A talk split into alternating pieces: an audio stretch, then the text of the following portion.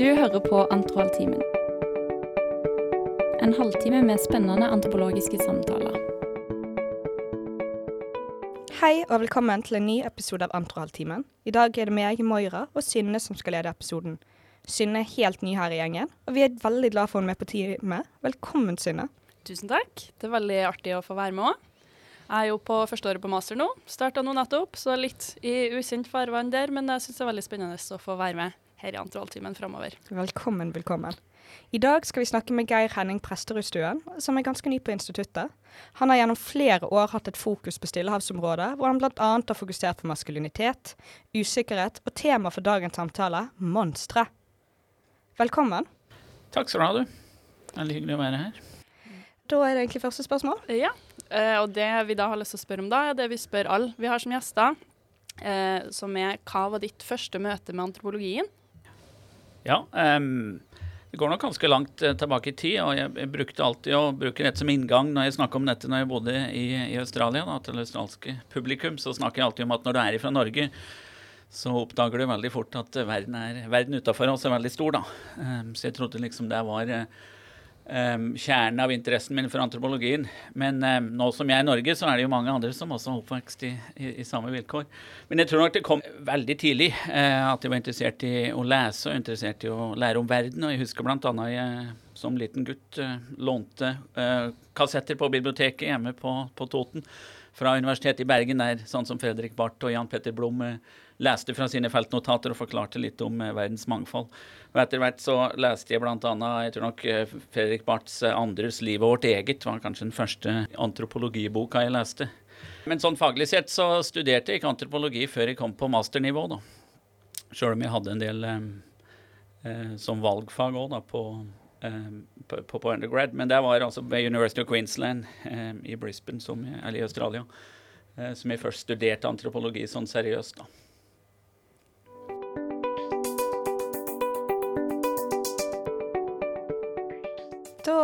Lurte vi litt på hvordan du endte med å spesialisere deg på stillehavsområdet, og hvordan det ledet deg inn på monstre. Ja. Um, Stillehavsområdet er vel eh, litt eh, altså ganske stort i den norske forestillelsen av eh, verden. Blant annet eh, kan vi vel takke sånn som Fredrik Barth og Thor Heyerdahl og sånt for det. da. Så jeg hadde vel alltid vært litt interessert i Stillehavsområdet som en slags representasjon på det andre og det, den store verden som er ute der, da. Men eh, det var vel altså når jeg først eh, skulle til Australia for å studere, så reiste jeg som um, ung journalistspire den gangen, da. Og da stoppa jeg på Fiji. Eh, og tenkte at her går det an å skrive noen historier fra som, som journalist. Eh, og der var mitt første møte med Stillehavet. sånt. Og da ble det vel litt sånn til, tilfeldig, egentlig. Jeg havna, gjorde antropologien min ved University of Sydney, som har et sterkt stillehavsprogram. Og da eh, ja, One thing led to another. Så jeg fant ut når jeg skulle begynne å studere på master og ph.d., da, at eh, Fiji var et godt sted å starte. Og der ble jeg da i 10-15 år som antropolog. Eh, og så var det det med monstre, ja. Eh, ja, det var vel enda mer tilfeldig, egentlig. Jeg må jo egentlig innrømme at jeg var aldri sånn spesielt interessert i monstre, og jeg hadde aldri sett for meg at jeg skulle studere monstre. Men eh, jeg merka jo veldig tidlig at folk er veldig interessert i historier om eh, eh, hva vi kan kalle det overnaturlige, da, eller, og, og særlig spøkelser da, på Fiji. Hva, alle jeg snakka med på Fiji, hadde en eller annen slags spøkelseshistorie, eller, eller historie om ånder som gikk igjen, og gjengangere og sånne ting. Og lenge så syntes jeg det var mer kuriositeter, egentlig, så jeg skrev det ned da, og, og hadde dem jo bakerst eh, i, i feltnotatene mine, men tenkte egentlig aldri at jeg skulle bruke det til noe. Eh, Og det var nok mange mange år etterpå vi først eh, kom på ideen da, at det kanskje dette er viktig. Kanskje det er noen innsikter vi får fra dette med, eh, med monstre. Og særlig spøkelser for min del, eller, eller ånder. da. Kanskje vi kan få innsikter der som jeg ikke har tilgang til i andre deler av dataminnet. Men det var nok langt ute i antropologien min, eller min jobb som etnograf og antropolog, da, at jeg først begynte å ta det alvorlig. Og gjennom å ta det alvorlig, så har det jo, det jo utvikla seg noe som heter monsterantropologi. Um, og hva innebærer det som felt, tenker du? Eller som en måte å studere på? Ja, um, der det starta med, da var jo uh, den ganske sånn basic anerkjennelsen at alle felt uh, har monstre. da, At det er et eller annet ukjent eller uforklarlig eller uh, magisk eller mystisk som lurer alle feltsted. Og det har nok noe med Det er nok en del av den store mystikken rundt etnografisk feltarbeidet. Men så er det vel noe med den sånn universaliteten. da. Det er jo Antropologer er jo ganske redd for sånn uttrykk som universalitet. Men for meg så er det altså dette å ha historier, å ha noen er redd for, som, som, kommer innenfor kategorien monster, er nok ganske um, universelt, tror jeg. da. I hvert fall så alle antropologer som jeg snakka med etter hvert, hadde historier. da. altså ja, har jeg hørt om, har et monster der som vi kan tenke på. Så da begynte det vel på som en slags eh, kuriositet egentlig, at vi skulle ha et konferansepanel om eh, der vi sammenligner sånne monsterhistorier. da. Og etter hvert så utvikla det seg, og vi fant ut at eh, antropologer har jo egentlig lenge snakka om sånne ting som sjamanisme eller hekser, magi, svart magi, ånder, alt mulig sånt. zombier. uten at man egentlig har tenkt til å, å, å systematisere det innafor monsterbegrepet. Så tenkte vi ja, hvorfor er det sånn, da, kanskje? Og hva, hva kan vi få ut av å systematisere uh, dette komparativt? da? Hva kan vi få ut av å finne og se på alle disse ulike paradigmene eller ulike, ulike diskursene innafor ett begrep? Eh, og da fant vi ut at monsterbegrepet kan på mange måter i hvert fall eh, definere alt dette her og gi oss de verktøyene for å sammenligne det.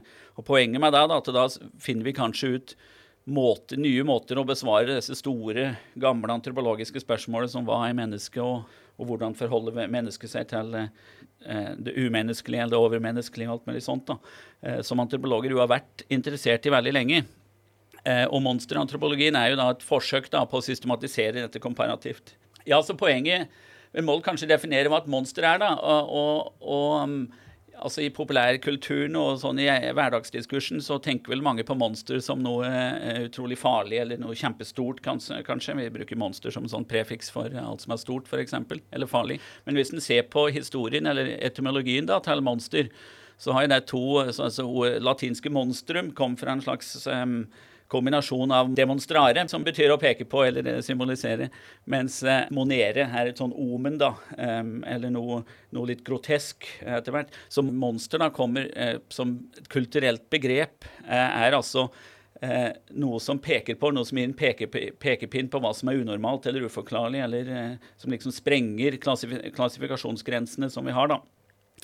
Og hvis en bruker monster på den måten, så tror jeg vi kan få noen nye innsikter om hva slags funksjoner, kanskje, da, eh, historier og eh, beliefs da, om eh, det overnaturlige og, det, eh, og, og, og monstre og sånne vesener eller fenomener som vi ikke helt kan forklare innafor eh, humanistiske forklaringsrammer. Hvordan de henger sammen, og hva slags eh, kulturelt arbeidet de gjør, da, og hva folk får ut av det. Så på en måte så er jo eh, monsterantropologien en slags tilnærming hvor vi tar det uforklarlige, og hvor vi tar det overnaturlige, og vi tar det fantastiske seriøst. da, eh, eh, Og ser på hva det, hva det, kan si oss om eh, menneskers forhold til verden og, og, og, sosiale prosesser mer generelt. Du har jo vært med å uh, utvikle en bok om dette som heter Monster Anthropology. Uh, og da nevner du begrepet meningsmaskiner som en måte du kan se og studere monsteret på. Hvordan definerer du dette begrepet, og hvorfor mener du det kan være en nyttig innfallsvinkel? Jeg tror det er en veldig, veldig god lesning av eh, materialet du har gjort der. For jeg tror kanskje det er akkurat dette med uh, meaning machines, altså meningsmaskiner, og i uh, hvordan monstre um, lager ny mening, eller er, som produserer ny mening og nye måter å forstå verden på, som er det sentrale i hele dette rammeverket, da, hvis vi kan kalle det sånn. Så er det to bøker forresten, om, to redigerte samlinger om monster anthropology. Da. Den siste er den beste. Eh, men eh, eh Og dette med meaning machine det tok vel, fra Jack Halberstam, som har brukt en sånn monstre i en feministisk analyse, da, men snakker om monster, han snakker om eh, monstre i, eh, i, populærkulturen, da, men han snakker om at hvor enn monsteret kommer, så sier det noe om konteksten. Og det er jo der vi tar derifra da, at monster på en måte er alltid et produkt av spesifikke kulturelle kontekster. Summen av alle monsterdelen, summen av alle disse uforklarlige delene som blir til et monster, eh, står alltid for noe mer enn monsterets egenart. sånn sett da. Og Det betyr jo at hvis en ser på de spesifikke og spesifikke monstre i spesifikke kulturelle kontekster, så forstår vi noe om hva folk er kanskje bekymra for der, eh, hva de er, hva de er redd for. Eh, eh, eller hva folk er mest opptatt av, hvilke sosiale roller og former for sosial differensiering som er viktige i, i, i sånne spesifikke kontekster. nå. Og det er vel derfor, altså sånt som jeg har sett på, da, bare for å bruke et eksempel med dette med eh, hva da jeg kaller ghosts, da, altså enten spøkelser eller ånder eller gjengangere eh, eh i Fiji. Eh, de ser ut, de, kommer alltid fram da, i eh, diskurser eller i situasjoner hvor raseforskjeller, hva jeg kaller eh, policing of racial borders, da, hvor det er et kritisk øyeblikk da, hvor noen kanskje har gjort noe galt, noen har sagt noe galt i forhold til sin eh, eh, sosiale situasjon, eller hva slags rase de er. Det er alltid der det, eh, disse spøkelsene eller gjengangerne kommer fram og, og, påvirker situasjonen på en måte. da.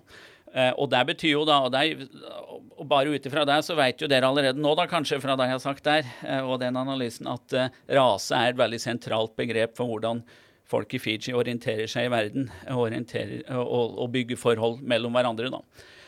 Og Det er bare ett eksempel. Um, uansett hva slags monster vi har, så er det jo fullt av mening og fullt av betydning. Man kan jo bare tenke på, altså for å bruke en helt sånn klassisk uh, eksempel, da, som Frankenstein så var jo det eh, sett på som en refleksjon, og da eh, innflytelsen av Frankenstein som Frankensteins monster, da, um, den kulturelle innflytelsen av det, er jo at det representerer all den engsteligheten og angsten folk hadde for uh, sosial endring og uh, ny teknologi, og, uh, og, at religion skulle forsvinne i forhold til vitenskapen og alt mulig sånt akkurat på den tida. Og sånn virker vel monsteret uansett sted og tidsperiode, tror jeg.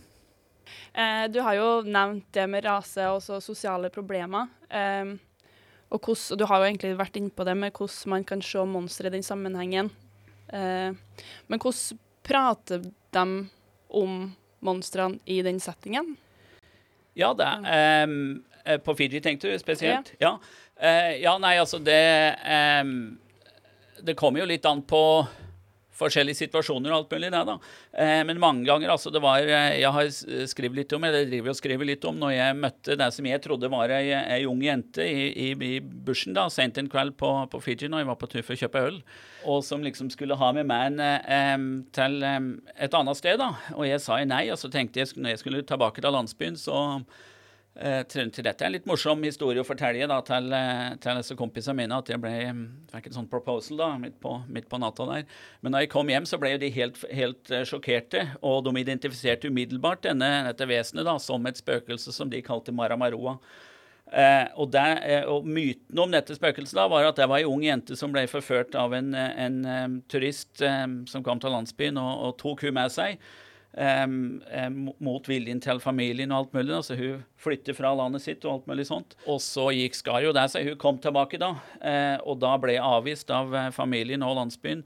Og så drukna seg i, i, i, elva. Det er den lokale forståelsen av uh, hvem denne jenta var, da.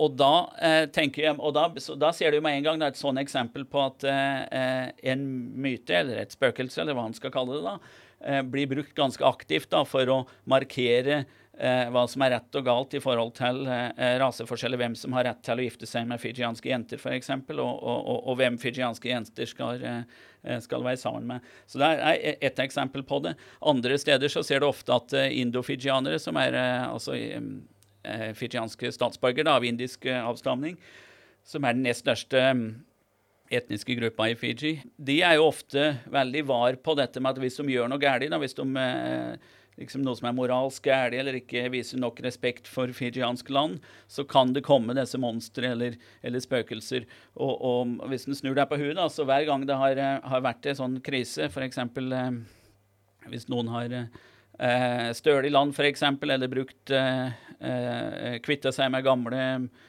kulturminner eller noe sånt noe, så kommer det alltid en slags ånde eller en spøkelse, noe som blir i hvert fall eh, sett på som det, da. Kommer fram etterpå. Og da blir det sett på som et signal på at her har vi gjort noe som er galt. Eh, så det er jo noen eksempler på det. Veldig interessant å høre. Ja, og så har jo du, når vi hadde den forberedende samtalen, så snakket du mye om dette her med usikkerhet. Det var en hemmelighet i at vi hadde hatt en forberedende samtale. Nei da, det er bare god preparation. Men uh, da snakket vi om dette med usikkerhet, som har vært en sånn tråd gjennom arbeidet ditt. Og da lurer jeg på hvordan du ser på Du nevnte jo det litt i sted også, med usikkerhet og, og monstre. Men uh, hvordan ser du sammenhengen mellom usikkerhet og monstre, eller monstre og usikkerhet? Det er et kjempespørsmål, da, altså. Um, og det viktigste er kanskje hvordan det ser altså Disse folkene som jeg jobber med, da, de bor jo i, i, i veldig, et, et, veldig usikker, usikker tilværelse. da. Eh, på mange måter. Mange av dem bor i, i, i landsbyer eller sånne uformelle settlements. da. Um, der de ikke har noe sånn sikkerhet, uh, langtidssikkerhet. da. I tillegg da, så er jo nettet er jo veletablert nå, men uh, hele Fiji er jo i, i, i fare for å um, å, bukke under før eller senere da, med stigende havnivå, uh, klimaendringer og sånne ting. Så de har altså den eksistensielle usikkerheten hele tida. Og, og, da blir kanskje eh, sånn som mange føler, da, at de, de, lever tilværelsen sin i den helt sånne eh, ekstreme enden av den menneskelige erfaringa. Eh, og der er det jo tradisjonelt sett da, at monstre finnes, altså i disse ekstremitetene. Eh, er skillet mellom det vi veit og hva vi ikke veit. Skillet mellom eh, liv og død, dette grenselandet mellom natur og kultur kanskje, og mellom eh, eh, hva som er naturlig og hva som er unaturlig og alt mulig sånt. Så det er kanskje ikke Sånn sett da, så er det jo ikke vanskelig å skjønne kanskje at monstre kommer fram der. I tillegg så er det jo det som figurer, da, så er jo disse monstre sånne eh, liminale vesener, da. Eh, noen som ikke hører helt hjemme noe sted. Eh, og noen som er sånne ustabile, og, og som forstyrrer alle eh, naturlige klassifiseringer vi har. Eh, så når det som er kjent og kjært, og, og det som vi prøver å Grunnlaget for hvordan vi orienterer oss i verden, da, altså um, hvor vi bor og hvem vi er og alt mulig sånt, når det blir trua, så vi, har vi vel mer til felles med monstrene, kanskje, enn vi liker å tro. da. Eh, og det er vel kanskje derfor de kommer fram der. Og et veldig godt eksempel på det var etter eh, eh, Cyclone Winston, da, som var den sterkeste, verste syklonen som har truffet Fiji på i mange, mange år. Eh, kom i 2016. Og i etterkant av det eh, så var det masse historier over hele Fiji om eh, folk som hadde dødd i, under syklonen, og som kom hjem, da. Kom igjen som gjengangere og som spøkelser eller, eller sånne um, udefinerte, udefinerte monstre, egentlig. Og dette var jo ikke monstre som var der for å skremme eller gjøre noe, gjøre noe galt, sånn sett, men de var der da for å markere at nå nå er det et stort problem. Nå er det et eller annet som vi må, må finne ut av. Det var i hvert fall sånt da, Folk som jeg snakka med på Fiji, så på eh, disse monstrene som altså et sånn monera, altså en sånn eh, tegn, da, et omen, om at eh, nå er vi i trøbbel, og nå må noe gjøres. Og For noen var jo det betyr jo at nå, nå kom monsteret hit, og, der, og, nå kom dette gjengangeren hit, og han forklarer jo at her kan vi ikke bo. Så da blir jo sånne ting som klimaendringer f.eks. da blir sett i eh, Eh, helt i direkte sammenheng eh, med, med monstre. Bare lurte jeg på lite sånn, eh, en liten begrepsavklaring. Ja. For jeg syns det var veldig gøy å høre uttrykket 'liminale vesener'. Ja. Hva mener du med det? ja, nei, det er jo akkurat nå um, liminaliteten da er jo akkurat det som er sånn i grenseland mellom eh, og ikke kan, eh, ikke kan, passe helt inn i klare kategorier. Så et liminalt vesen er jo på mange måter et som bryter, altså sprenger disse klassifikasjonsrammene vi har, og som ikke helt eh, kan dekkes eller, eller, forstås gjennom de eh, eh klare begrepsrammene vi har. da. Eh, så altså Et spøkelse er f.eks. sånn klassisk da, som jeg vil kalle et liminalt vesen. For det er jo menneskelig, men ikke helt. Det er litt sånn som eh, Freud snakker om unheimlich, da, altså i engelsk er det un uncanny. Altså det som er eh, vi, vi, gjenkjenner det som nesten et menneske, men vi ser det er noe som ikke stemmer. Og sånn er det jo, er det jo gjengangere Gjenganger er jo akkurat det òg, da. At de er, de er, her, men de er ikke her lenger. Altså de er, er, er, med oss i livet, men de er døde, da. Andre monstre har jo uh, sånne liminale kvaliteter, da da.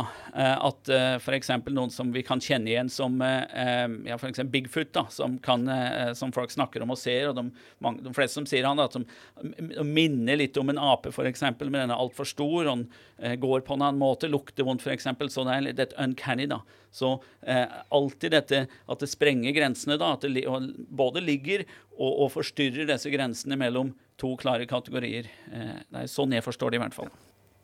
Og så lurte jeg litt på hvordan en undersøker er med monstre i felten.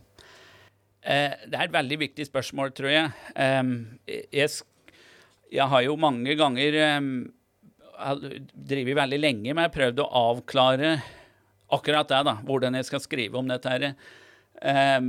For på en måte da, så har jeg møtt det som jeg alltid har sett klart for meg at det er mennesker, da, men folk jeg jobber sammen med, har vært ganske sikre på at, at uh, det er uh, ånder, da, eller gjengangere, som jeg har, har møtt, f.eks.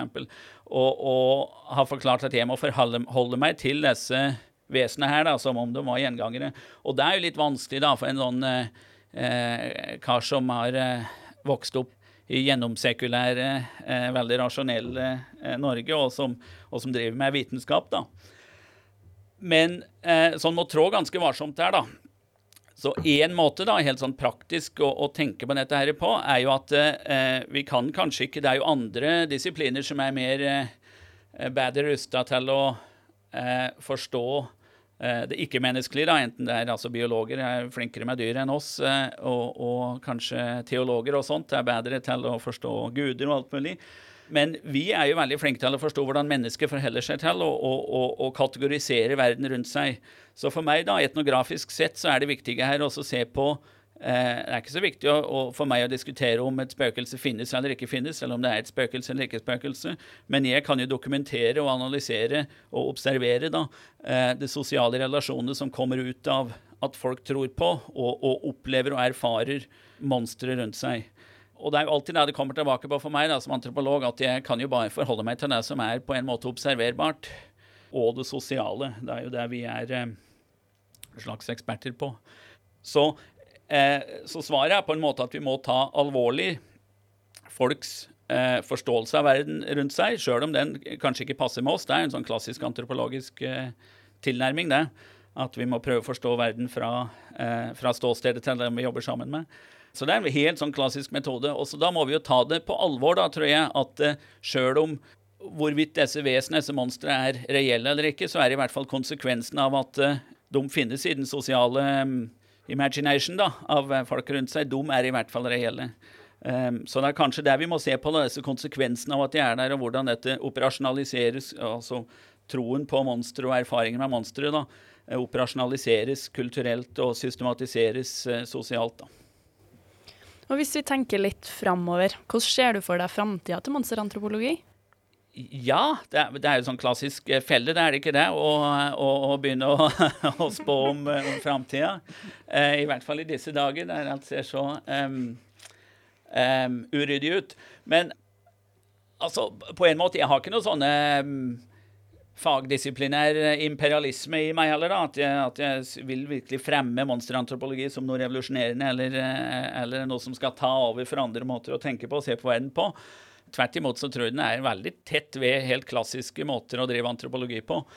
Men det vi har merka, tror jeg, er at eh, så fort vi åpna opp dette analytiske området da, om, å, om å sammenligne, altså denne komparasjonen mellom forskjellige vesener eller fenomener eller eh, trosretninger eller hva det er, da, som vi kaller monstre, Ehm, så har det vært veldig fruktbart. Vi har hatt veldig eh, to, samla to gode, eh, gode, bøker om det, selvsagt, som viser verdien i det komparative. Eh, og at vi har fått ny lærdom da, om, om, fenomener som, som veldig ofte var sett på innenfor helt forskjellige sånne analytiske paradigmer. Og for meg da, så betyr jo det at det er jo en framtid, dette her. Og eh, det er jo stadig flere folk som jeg kommer i kontakt med, som begynner å bli interesserte i, i monstre, og som kanskje ikke har tenkt på det sånn, da, at de har noe særlig å si om monstre. Men etter hvert når de snakker litt med meg og, og, leser litt der vi har drevet med, så finner de ut ja, men her har vi jo noe som jeg også kan analysere sånt. da. Uh, og dette kan jo, som, som um, analytisk uh, verktøy, da, kan jo dette ta, uh, brukes på Eh, på nye og uvente områder òg. Det er f.eks. ei som skal, skal være med i et konferansepanel nå, som har gjort feltarbeid sammen med bodybuildere. Uh, og Hun snakker da om hvordan de bruker figuren som et monster, da, som et slags, uh, en måte å transformere kroppen sin på. At de vil, vil ha en monsterkropp. da. Og, og, de tenker jo på monster på veldig samme måter som jeg, da, til noe som bryter klassifiseringene. Noe som er Kanskje ikke umenneskelig, men i hvert fall overmenneskelig. Da, more than human, som noen sier. Så jeg tror, er, jeg eh, tror, nok vi kommer til å se mer og mer folk som er interessert i dette med monster. Den andre mer eh, ja, skal si, kritiske eller um, alvorlige da, sida av dette her er jo at jeg tror stadig flere av oss opplever at vi lever i en verden som er, blir mer og mer ekstremt. da, med, med, I situasjoner som blir mer og mer ekstreme. og vi må må møte utfordringer i, i ganske nær framtid, tror jeg.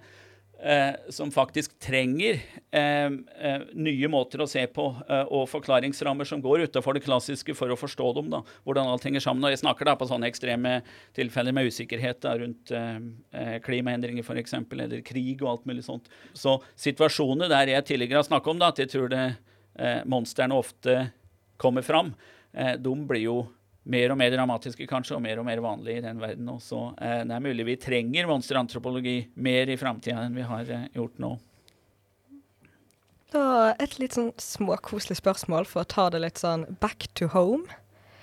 Hvordan kan vi se monstre i vårt nordiske samfunn? Det er jo artig at du syns monstre er litt koselig. For det. for, eh, men jeg tror det er litt viktig også, da, at alle monstre er jo ikke, er jo ikke skumle.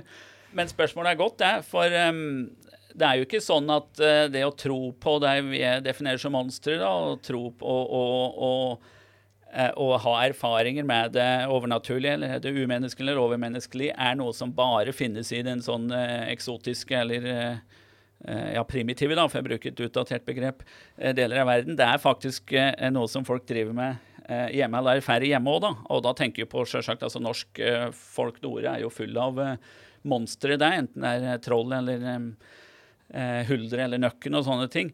Eh, og det er jo ikke tilfeldig at de finnes i norsk folklore, for det eh, handler jo altså om en norsk, eller urnordisk da, kanskje, måte å forstå forholdet mellom eh, oss sjøl eh, og naturen på. det er derifra noen av de begrepene kommer. Så i tillegg, da, for å bruke litt sånn platt eksempel, så er jo jeg var jo borte i mange mange år, men jeg har jo i den tida jeg var borte i nesten 19 år, i de aller fleste av de åra, så har jo dette programmet Åndenes makt eh, vært på TV. Eh, og der tilsier jo at det er utrolig mange folk eh, i, rundt oss da, som har opplevd noe de ikke helt kan forklare, og er i hvert fall åpne da, for ideen om at det kanskje er eh, sånn som nordmenn sier, altså mer mellom himmel og jord enn vi kan, eh, kan forstå. Da. Så det er nok eh, like mange monstre rundt oss her i, i Bergen som det er, er andre steder, hvis vi velger å se på det og analysere det på den måten.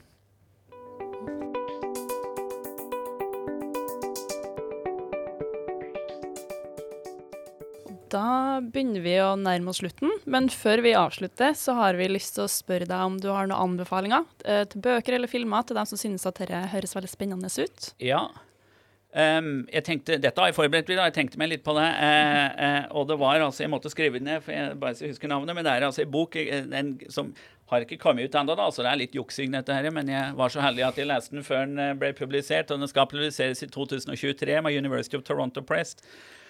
Og den er av eh, etnografen eh, Carolyn Schuster, som er ved Australian National University. og Hun har gjort feltarbeid i Paraguay og skrevet boka som heter Forecasts, A Story of Weather and Finance at the Edge of Disaster. Og Det er en spesiell bok på mer enn én en måte. Først og fremst er det en, en grafisk etnografi. da, eh, At hun har samarbeida med paraguayanske eh, grafiske artister. Eh, som, altså I formatet som en grafisk novelle. da. Og der, men det som er analytisk veldig interessant med det, er at du ser på dette med usikkerhet og, og risiko, og forholde seg til framtida ved å studere både det, sånn, eh, monsteret eh, eh, og usikkerheten som er innad i finans og, og, og, food security og sånne ting. da. Så den er veldig interessant at den knytter sammen noe det veldig nære og det veldig sånn jordnære da, i økonomi og, og gro. Jeg tror det er sesambønder de er, altså sånn sesamfrø. da. Eh, gro, gro der kommersielt, så være bonde med eh, det overnaturlige, at det alltid er en del av både nåtida og fortida. da. Den andre er jo litt eh, sånn beslekta tematisk, og det er eh, en kar som heter Alan Crime, eh, Klima, eh, KLIMA, som jobber på University of California. Da. Han har etnografisk jobba i Thailand i mange år, og han blant annet så han laga en film som heter 'Ghosts and Numbers'. Og den og der knytter sammen det økonomiske med det overnaturlige. Eh, og den etnografiske filmen er vel verdt å se, altså, for den eh, er veldig interessant eh, som format. Men den viser også da, hvordan folk bruker eh, seanser og bruker forhold til ånder og, og, og, og, sånt for å forstå sin økonomiske posisjon, særlig da i i kjølvannet av den økonomiske krisa i, i Asia i 2000-tallet. Og Alan Clime har jo også skrevet en, en etnografi som heter 'Ethnography Number Nine', eh, som tar noen av de argumentene videre da, om, eh, om, forholdet mellom eh, å forstå framtida og tenke økonomisk, og spøkelser eller ånder, eller hva man skal kalle det. Um, så det ble eh, tre anbefalinger der, da. Da sier vi tusen takk for eh, en utrolig interessant samtale. Vi gleder oss til å høre mer fra deg. Og eh, hvis det er noen som er interessert i monstre, så er det bare å lese seg opp eller ta kontakt.